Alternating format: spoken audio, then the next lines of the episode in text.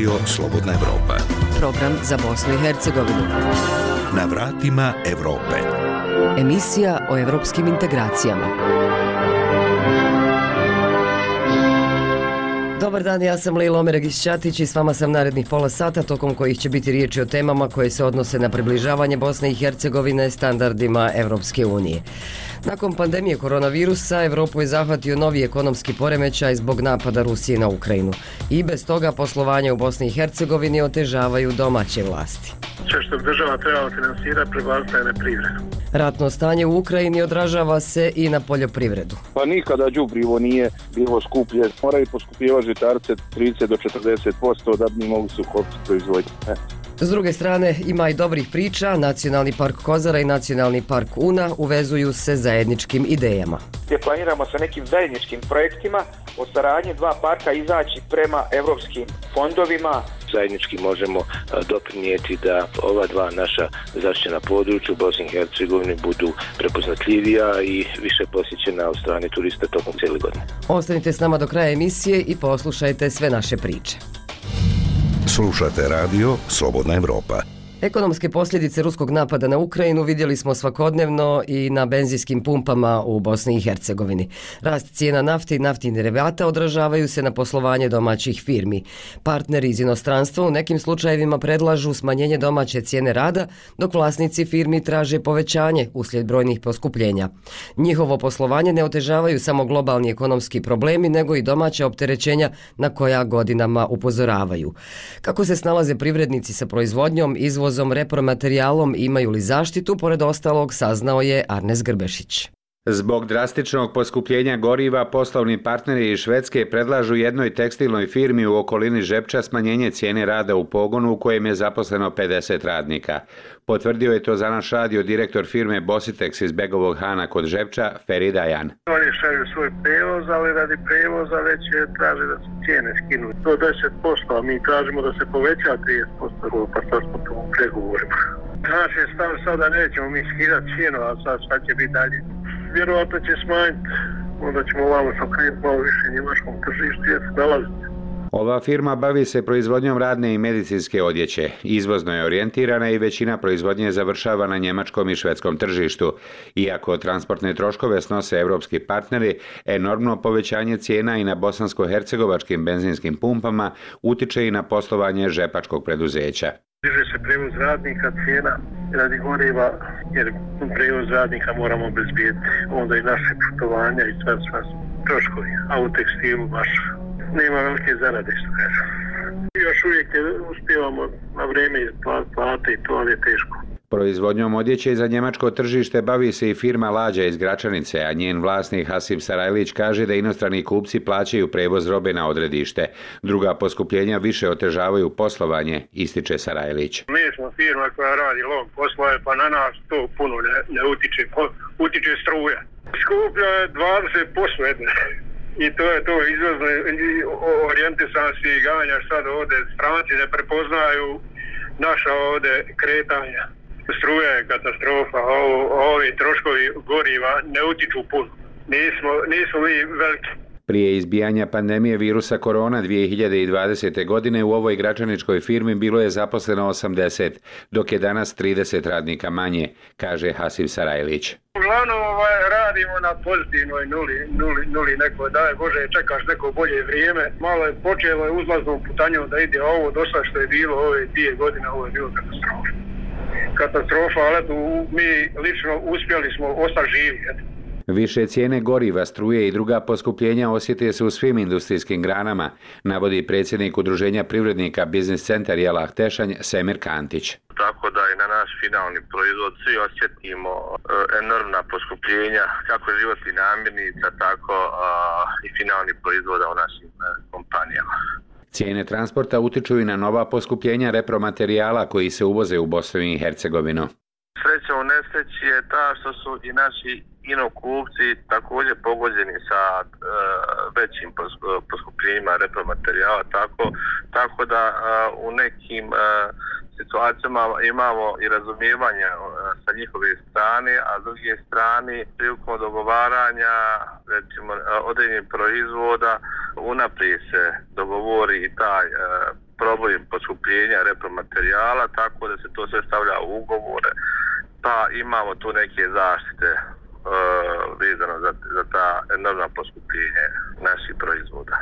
Semir Kantić iz Udruženja privrednika Biznis Centar Jelak Tešan kaže i da u posljednje vrijeme dolazi do zaustavljanja realizacije ugovora sa poslovnim partnerima iz inostranstva. Najčešće je situacija da da su određeni poslovi prolongirani do smirivanja situacije na trži, na globalnom tržištu, također i ova e, situacija Ukrajina, Rusija, Rusija, a ostatak svijeta ne ide baš u prilog, tako da su mnogi e, proizvodi i mnogi projekti e, trenutno stavljeni na, na stand-by aranžman i čekamo razvoj ovih situacija. Jednostavno, u čitavom svijetu je neka nesigurnost, tako da svi sad, e, sa dodatnim oprezom ulazi u dodatne investicije, u nova ulaganja, u opremu, proizvodnju, tako da je sad sve na nekom čekanju, tako kažem. I bez globalnih poremećaja poslovanje firmi u Bosni i Hercegovini otežavaju visoka poreska opterećenja i parafiskalni nameti. Domaći poduzetnici godinama ukazuju posebno na neporeska opterećenja. Ponovo privrednik iz okoline Žepča, Feri Rajan. Mi plaćamo recimo šumarstvo, tekstil. Onda ima turistička, pa ima, mislim, ono, sve što bi država trebala finansirati, prebazna privredu. Među parafiskalnim opterećenjima naš sagovornik izdvaja i naknadu koje domaće firme moraju da plaćaju za osobe sa invaliditetom. Moramo imati na 16 uposleni, moramo imati jednog uposlenog ili 300 maraka za njega mjesečno plaćati. Znači ja imam preko 1000 maraka mjesečno troškova na to. Feri Dajan iz Begovog Hana kod Žepčana pominje da se ne protivi zapošljavanju osoba sa invaliditetom. Protivnik nije niko, to mi već je preko udruženja tekstilaca govorimo. Ali rado bi ja primio njih. Iz Doboja za radio Slobodna Evropa, Arnes Grbešić. Zbog visokih cijena mineralnog đubriva koje su jedna od posljedica ruske invazije na Ukrajinu, neizvjesna je predstojeća sjetva poljoprivrednicima u Bosni i Hercegovini. Ratari kažu da situaciju dodatno pogoršava činjenica da vlasti nisu učinile ništa da zaštite domaću proizvodnju, te da će u konačnici cijenu platiti građani. Priča Marije Augustinović. Ratar Ranko Sarajlić iz Gradiške uzgaja žitarice na 300 hektara zemlje. Pšenicu je posijao prošle jeseni, a u idućih mjesec dana planira zasijati soju i kukuruz. No kaže da je zbog rekordnih cijena mineralnog đubriva ovogodišnja sjetva ugrožena. Upozorava da to može dovesti do smanjenog prinosa i rasta cijena povrća i žitarica na tržištu. Pa nikada đubrivo nije bilo skuplje, znači ni ni u dolarima, ni u eurima, ni u markama, ni kada nije bila, na primjer, ureja 1000 dolara tona. Moraju poskupivati žitarce 30 do 40% da bi mogli su proizvoditi. Stanovnici Sarajeva u anketi za Radio Slobodna Evropa kažu da se na rast cijena ne mogu pripremiti. U prednosti su tek oni koji imaju mogućnost uzgajanja vlastitog povrća, kažu Robert Dragan i Azemina. Ja sam prošao, bio u ratu, cijeli, cijeli rat u Sarajevu. Bože moj, proći se, ja imam i jedno pola duluma zemlje, pa obrađujem sad i krompir, luk, ovo, ono, Ma ne znam, vala sam, pametan nisam.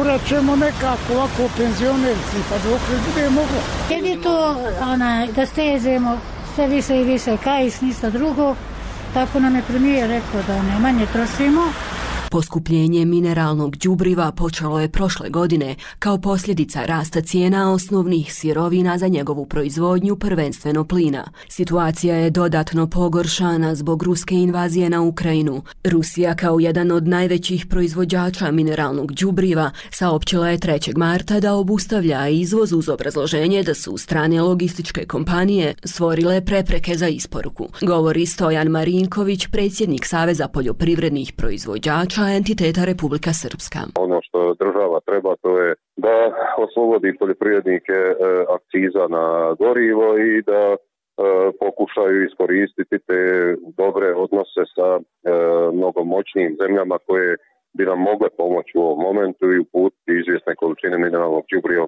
U Ministarstvu poljoprivrede Republike Srpske kažu da je vlada tog BH entiteta reagirala na trenutnu krizu setom mjera za poljoprivredu kojima je predviđeno vanrednih 5 miliona eura. Istovremeno ovogodišnji budžet na nivou Federacije BiH još nije usvojen, tako da nisu operativna ni redovna sredstva za poljoprivredu u iznosu od 53 miliona eura. Savjetnik federalnog ministra poljoprivrede poljoprivrede Husnija Kudić. Ono što bih rekao, nije vrijeme za paniku, nije takvo stanje. Naši poljoprivredni proizvođači su stabilni, vješti, imaju znanja. Za radio Slobodna Evropa iz Sarajeva, Marija Augustinović. U Brčkom su završeni radovi na obnovi platoa jedine međunarodne luke u Bosni i Hercegovini, Luke Brčko. Obnova lučkog platoa dio je projekta revitalizacije luke, za čiju je realizaciju Europska unija posredstvom Evropske banke za obnovu i razvoj osigurala oko 20 miliona maraka. Luku Brčko tim povodom posjetili su visoki dužnosnici Evropske unije i međunarodne zajednice u BiH, Johan Sattler i Michael Scanlon. O tome u prilogu Zorana Matkića. Direktor javnog poduzeća Luka Brčko, Perica Josić, kazao je da slike koje posljednjih dana i mjeseci idu iz Brčko distrikta šalju jasnu poruku svima da je Luka Brčko i Brčko distrikt spreman za nove investicije, nove projekte i za dolazak novih investitora. Radovi su počeli prije šest mjeseci i evo oni su završeni u roku. Završene su u roku od 6 mjeseci i završene su u okviru ogovorene cijene od 1.770.000 maraka. Na, mislim da je to jedan ogroman uspjeh e, tim više što je izvođač ušao u posao tijekom zime, u tokom čitavog perioda odvijanja radova Luka Brčko je neometano radila. Dakle, naši komitenti nisu imali osjećaj da se u Luci odvijaju radovi. Mislim da je to za svaku pohvalu izvođačima i nama i evo, ovo je jedan stvarno veliki dan za Luku, završetak ovog platova. Šef delegacije Evropske unije u Bosni i Hercegovini, specijalni predstavnik Johan Sattler, je kazao da je završen prvi dio projekta u Luci Brčko, gdje je ukupna investicija 10 milijuna eura, a cjelokupna ulaganja u Bosni i Hercegovini kroz 18 projekata, naglasio je Sattler, dosežu gotovo milijardu eura. Uh, te investicije znači da znači otvaranje novih radnih mjesta za narod koji živi na ovim prostorima, znači napredak. To znači dakle našu posvećenost obnovi infrastrukture, ali također ulažemo i u sektor sigurnosti. U ovom trenutku građanima u Bosni i Hercegovini je najbitnija politička i sigurnosna stabilnost, kazao je Sattler. Ono što sada vidimo jeste produženje jedne jako duboke političke krize. Ono što je potrebno da mi vidimo jeste potpuni povratak u državne institucije, posebno kada je riječ o nadležnim u Republici Srpskoj. Samo dakle sa potpunim funkcionisanjem institucija građani ove zemlje mogu u potpunosti koristiti ponude koje stoje na stolu. Protracted, very deep political crisis. We need to see a full return Supervizor za Brčko distrikt i prvi zamjenik visokog predstavnika u Bosni i Hercegovini, Michael Scanlan, drži da distrikt Brčko iz dana u dan pokazuje da nije samo primjer suživota i uzajamnog poštovanja, nego i primjer jednog zajedničkog prosperiteta. Luka je sada činjenica, preostala su još dva koraka koje je potrebno završiti za njenu modernizaciju. Rekonstrukcija mosta je također nešto na čemu se radi.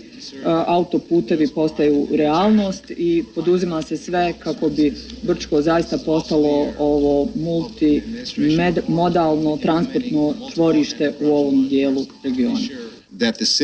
Projekat revitalizacije Luke Brčko financiran je od Europske banke za obnovu i razvoj u vrijednosti od 20 milijuna maraka. 14 milijuna maraka su kreditna sredstva, a 6 milijuna su grant nepovratnih sredstava od Evropske unije. Za Radio Slobodna Evropa iz Brčkog distrikta, Zoran Matkić. Na vratima Evrope. Emisija o evropskim integracijama.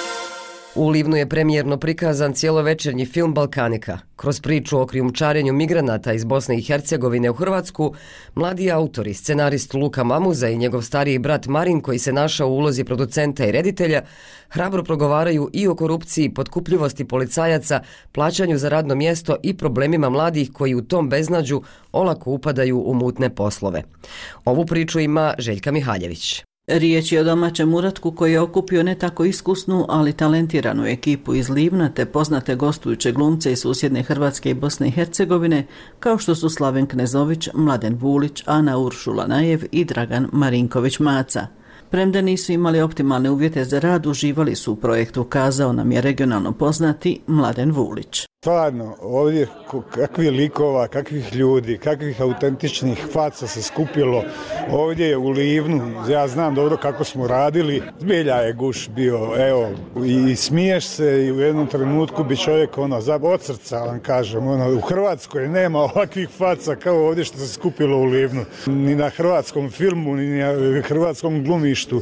I kolega i kolegica i cijela ekipa mi znamo kako smo radili, da nismo uživali u izobilju e, nekoga jel, produkcijskom, ali super, super, super, ljudi topli, on, šta ćete više. Svoje oduševljenje nisu skrivali ni Ana Uršula Najev i Pere Eranović. Zaljubila sam se u Livno i predivno mi je tu bilo. Sad sve to nekako gledam i zapravo sam ponosna na cijelu ekipu, prvenstveno na ove naše glavne livnjake, što su, što su dokazali da se stvarno uz volju može sve.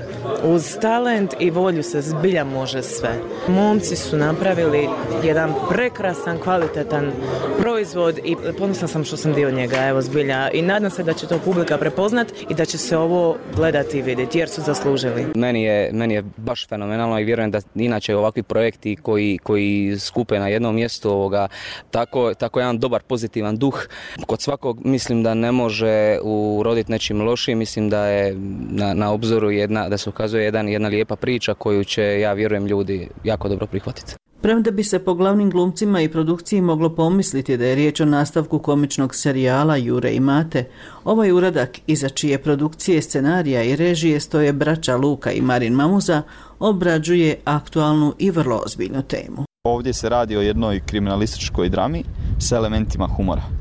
E, bavimo se migrantima, ne migrantima koji migriraju iz Livna, nego migrantima koji prolaze kroz Livno i, i imaju cilj da dođu u Evropsku uniju i u sklopu toga tu se upleću naši likovi spletom okolnosti koji su isto lokalno poznate, upadaju u jednu financijsku krizu i prisiljeni su uh, švercati migrante. Kazao nam je Marin, a njegovog brata Luku preplavile su emocije nakon premijere. Pregledao sam ovo sto puta kući, pisao sam scenarij, glumio sam, montirao sam i sad kad sam pogledao nekako Ne, ne znam, ne znam, ekstra mi je, dobro mi je sve, ne znam, baš sam ono sretan rad svi ljudi što su došli, svi lumaca koji su ostali svoje obaveze, puno veće projekte da se nalažemo, ovaj, da dođu na premijeru iz Zagreba, iz Splita, iz, iz, iz Sarajeva i od koji... Tako da, ovaj, evo, ne znam, sretan sam, to je to. Iako je film trajao dva i pol sata, nitko iz publike nije napustio dvoranu. Što više, uživali su u svakoj minuti i očekuju nastavak priče. Predobro, nešto što Livnu treba, super. Ma vrhunski ovo za Livno, čudo. Mislim da u Hrvatskoj i Srbiji će se teško naći ovako nešto, a kamoli za Livno jedno. Svaka čast ekipi koja je radila. Top, top, stvarno nema dalje. Kad će drugi nastavak?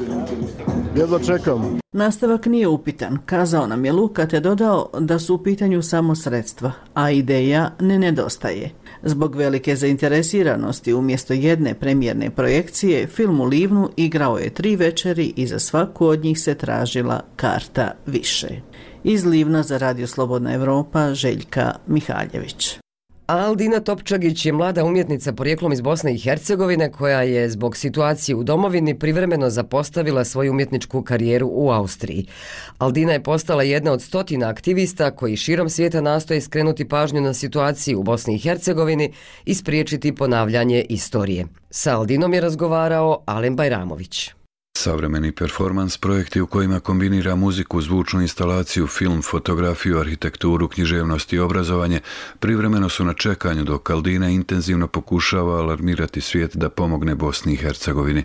Umjetnica koja iza sebe ima brojne nastupe u Austriji, Njemačkoj, Belgiji, Mađarskoj, Finskoj, Kubi i Bosni i Hercegovini inicirala je događaj u Evropskom parlamentu gdje se sa grupom umjetnika i političara povodom Dana nezavisnosti Bosne i Hercegovine založila za pomoć Evrope u stvaranju drugačije perspektive za građane Bosne i Hercegovine. I utorak je bila debata o Bosni u Štrasburgu i oni su već prije toga znači, imali naše prijedloge i jednostavno celokupnu e, situaciju Bosne smo im predočili. Napravili smo i kratki film, znači sve smo ispakovali da vide, e to je sve u Bosni problem. Nije samo jedan, nije samo dva, nego celokupna situacija. Zbog toga je bitna ta komunikacija. Ima mnogo ljudi koji se bore za Bosnu i Hercegovinu, ima ljudi koji žele da pomognu nama je i predsjednik delegacije Republike Njemačke prema Bosni i Hercegovini Kosovu rekao ja želim da pomognem Bosni.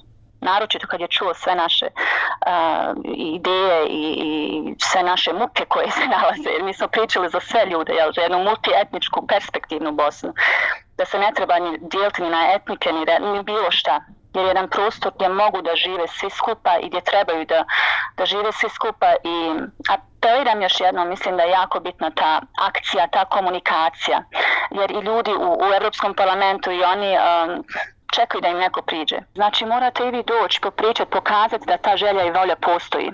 Kao i kod mnogih, politička kriza u Bosni i Hercegovini, a potom globalna sa ratom na istoku Evrope, vratila je uspomene, a u mladoj umjetnici probudila aktivisticu. Na neki način i kao umjetnik i kao aktivista ima za cilj da njeno djelovanje dobije svrhu to je moj vid umjetnosti, da kad radimo nešto, imamo mogućnost da nešto stvaramo, da imamo neku vrstu i um, odgovornost prema, prema okolnosti, prema svom porijeklu, svojim korijenima i, i društvu u kojem živimo. I gledajući stanje u Bosni i Hercegovini, kakvo je i kako se pogoršava, uh, to je u meni izazvalo tu tu akciju i to neko, neku želju i poziv u meni da, da nešto činim ja, da, da pomognem nekako u svojim mogućnostima, ja, koliko ja mogu, jer mislim da svaki glas a, da je bitan. Aldina je rođena u Bosanskom Novom. Zbog rata 1992. godine njena porodica je izbjegla u Njemačku, a nakon osam godina vratili su se u Bihać. Nekoliko godina kasnije ponovo je otišla van Bosne i Hercegovine u Austriju, gdje se nakon studija posvetila umjetnosti i osnovala kulturnu asocijaciju Art Alive. Prvi put Bosnu i Hercegovinu je napustila zbog rata, a drugi put je otišla zbog nedostatka perspektive koju ova zemlja treba ponuditi mladoj osobi. Šteta je što u Bosni nema tih, tih, te perspektive, te budućnost, ali mislim da bi bilo jako šteta da ljudi koji napuste Bosnu, jer jako mnogo ljudi sad odlazi, da, da potpuno okrene leđe Bosni i da, da to zapostavi. Ja sam imala priliku za njih tri godine znači da radim e, kulturne projekte u Bosni i Hercegovini i srela sam toliko profesionalnih, sposobnih, autentičnih ljudi koji imaju znanje i talenat i iskustvo i s kojima je stvarno milina uh, raditi. I to je, na primjer, jedan od razloga koji mene vuku u Bosnu, koji mene um, inspirišu da kažem, e, hoću ja nešto da pridonesem, hoću da, da, da imam tu vezu sa Bosnom, da, da budem tu. Znači, naš narod kao narod je jedan divan narod i Bosna, mislim, kao Bosna, e, priroda, sve ono što, što čini našu državu je jednostavno divna, lijepa. Mislim da mnogi ljudi bi željeli da imaju mogućnost da ostanu tu, da žive, da stvaraju, da, da imaju civilizacijska i demokratska prava kao neko u nekoj drugoj državi. Mnogo je problema koji se u Bosni i Hercegovini moraju rješavati, a koji se iz Austrije ili neke druge evropske države mnogo bolje vide i prepoznaju.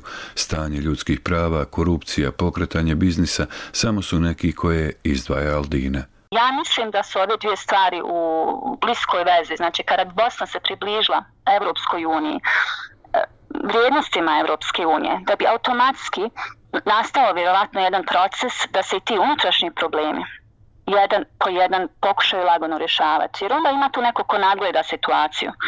Imaju neka pravila koje se moraju poštovati. Imaju neki, ima neki redoslijed koji ima svi države koje, koje žele da budu jedna demokratska država da idu. Moja pouka mladima je jednostavno da ne odustaju jel, da, se, da se bore dalje, da ima nade, da, da ne smijemo da prepustimo državu na takav jedan način na koji, kojim je sad. Politički sistem u Bosni i Hercegovini skoro da je ugušio nadu ljudi u bolje sutra, ali Aldina se nada da će ih napori bosansko-hercegovačkih građana van države od Australije do Amerike, kao i pažnja koja se Balkanu ponovo posvećuje zbog globalne krize, ohrabriti da se i sami izbore za evropski put i normalan život. Za radio Slobodna Evropa iz Goražda, Alen Bajramović. Slušate radio Slobodna Evropa. Nacionalni park Kozara jedan je od najstarijih u Bosni i Hercegovini, a Nacionalni park Una je najmlađi i uz to jedini u Federaciji BiH. Prvi je prepoznatljiv kao vazdušna banja, a drugi kao zemlja vodenih čarolija. Oba su prošle godine zabilježila po 100.000 posjeta turista. Svoje ljepote, prirodne resurse i kulturno-istorijske vrijednosti, ova dva zaštićena područja će dijelom uobličiti u zajedničke projektne ideje prema evropskim fondovima u cilju uvezivanja i kreiranja kvalitetnije turističke ponude. Više o tome Azra Bajrić. Nacionalni park Kozara uspostavljen je prije 55 godina. Zaštita i očuvanje prirodnih i kulturno-historijskih resursa su prioriteti, iskorištavanje turističkih potencijala neminovnost ukoliko se ovo područje želi razvijati i više otvarati prema sve brojnim posjetiocima. Samo prošle godine zabilježeno je 100.000 posjeta.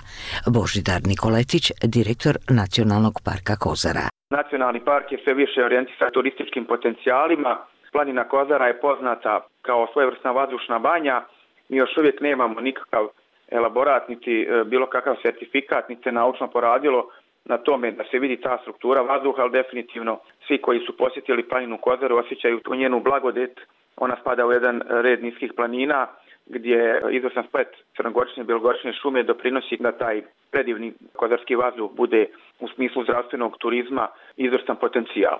Ono što mi u zadnje vrijeme potenciramo je izgradnja edukativnih pješačkih staza, biciklističkih staza, mountain bike staza, tako da bukvalno se okrećemo tim nekim našim prirodnim resursima. Kozara je jedan biser sačuvan u svakom smislu, zato što je veoma davno, da kažemo, proglašena za nacionalni park i jedan je od najstarijih pa, eh, parkova u Bosni i Hercegovini. U najnajmlađe zaštićeno područje u Bosni i Hercegovini, a nacionalnim parkom jedinim u Federaciji BiH proglašena je prije 11 godina. Konstantno bilježi povećanje broja posjetilaca, prošle godine ih je bilo također 100.000, kojima se konstantno nude novi sadržaj, posebno u najatraktivnijim dijelovima parka, poput Štrbačkog buka i Martin Broda. Ponuda nacionalnog nacionalnih parkova Kozara i Juna i tekako može biti kompatibila i otud ideja za uvezivanje i kreiranje zajedničkih projekata. Amarildo Mulić, direktor Nacionalnog parka Una započeli dogovore u smislu realizacije zajedničkih projektnih ideja u cilju povezivanja, odnosno osmišljavanja zajedničke turističke ponude, ali isto tako e, ćemo raditi e, na osmišljavanju turističke ponude koju ćemo zajednički aplicirati kroz projekte, odnosno kroz projektne ideje na javne pozive od potencijalnih donatora, bilo da se radi o sredstvima Evropske unije ili odnosno projektima koji su financirani iz e, predpristupnih sredstava EU. O konkretnim ovogodišnjim i dugoročnim planovima oba nacionalna parka već se razgovaralo. Nacionalni park Kozara planira unapređenje infocentara, uređenje pješačkih staza, postavljanje signalizacije za nove sadržaje, jačanje skromnih smještajnih kapaciteta i izgradnju ugostiteljskih. Nacionalni park Una posljednjih godina intenzivno radi na jačanju infrastrukture. Nedavno je prezentirao idejni projekat izgradnje žičare, a koja bi povezala stari grad Ostrovica sa Kulen Vakufom. Nedostatak sredstava za zahtjevnije projekte pokušat će se riješiti zajedničkim nastupom ka Evropskoj uniji.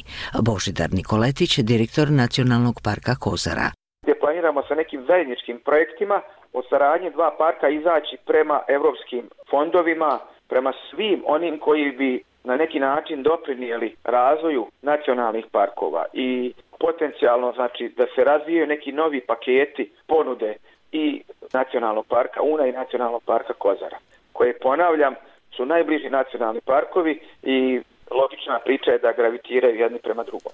Amarildo Mulić, direktor nacionalnog parka Una stvari da e, promoviramo turističku ponudu kako zajedničku, tako i vrijednosti nacionalnih parkova i u tom kontekstu možemo se nadopunjavati obzirom da e, Nacionalni park Kozara u zimskom periodu ima e, razvijeniju turističku ponudu od Nacionalnog parka Una i u tom kontekstu zajednički možemo doprinijeti da ova dva naša zaštićena područja u Bosni i Hercegovini budu prepoznatljivija i više posjećena od strane turista tokom cijele godine. Možemo biti konkurentni na turističkim tržištima, ne samo u regionu, nego i na evropskim tržištima i pojedinim svjetskim tržištima. Podrška u vezivanju zaštićenih područja u Bosni i Hercegovini stigla je i od nadležnih institucija, od lokalnog do entitetskog nivoa. Realizacijom najavljenih projekata oba nacionalna parka dobila bi kvalitetnije sadržaje kao garanciju za privlačenje većeg broja posjetilaca te razvoj ovog dijela Bosne i Hercegovine s obzirom da se radi o projektima koji zahtijevaju veći angažman domaćih resursa. Za Radio Slobodna Evropa, Azra Bajrić.